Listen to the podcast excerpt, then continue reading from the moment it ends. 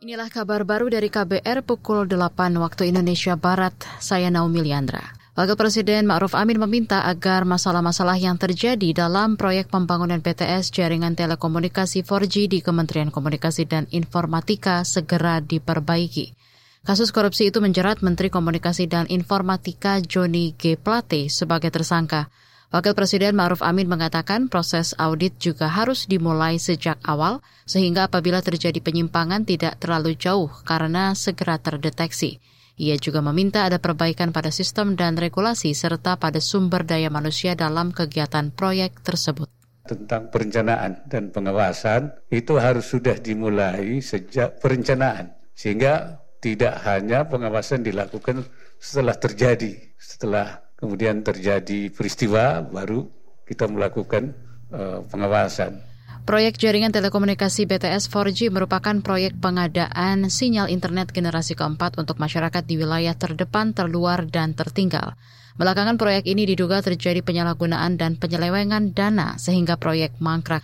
Badan Pengawas Keuangan dan Pembangunan BPKP menghitung kerugian negara dalam kasus korupsi proyek ini mencapai 8 triliun rupiah. Kejaksaan Agung menetapkan Menkominfo Joni G. Plate dan Direktur Utama Bakti Kominfo Anang Latif sebagai tersangka. Kita ke informasi pemilu 2024.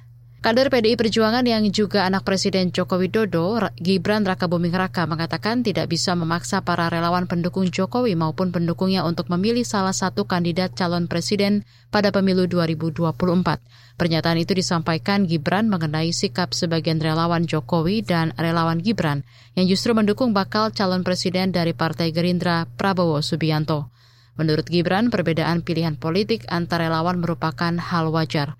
Gibran menjelaskan pilihan politik para relawan yang tidak berafiliasi ke partai politik juga dinamis. Ya, saya kemarin sudah menjelaskan ke Pak Asto, Pak Komar, Pak, kalau saya disuruh mengumpulkan relawan saya yang mendukung Pak Ganjar itu bisa lebih ramai lagi. gitu. Relawan itu tidak bisa diarahkan ke sana ke situ. Demokrasi juga ya Mas ya?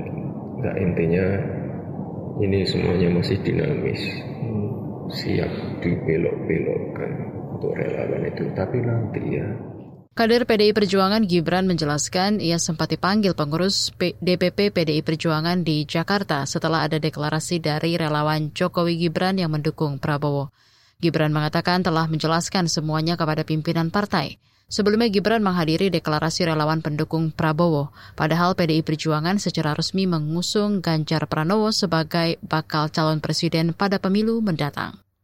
Kita ke informasi olahraga. Dari ajang kompetisi La Liga Spanyol, klub Barcelona tidak berdaya saat bertandang ke markas Real Valladolid pada laga ke-36 Liga Spanyol.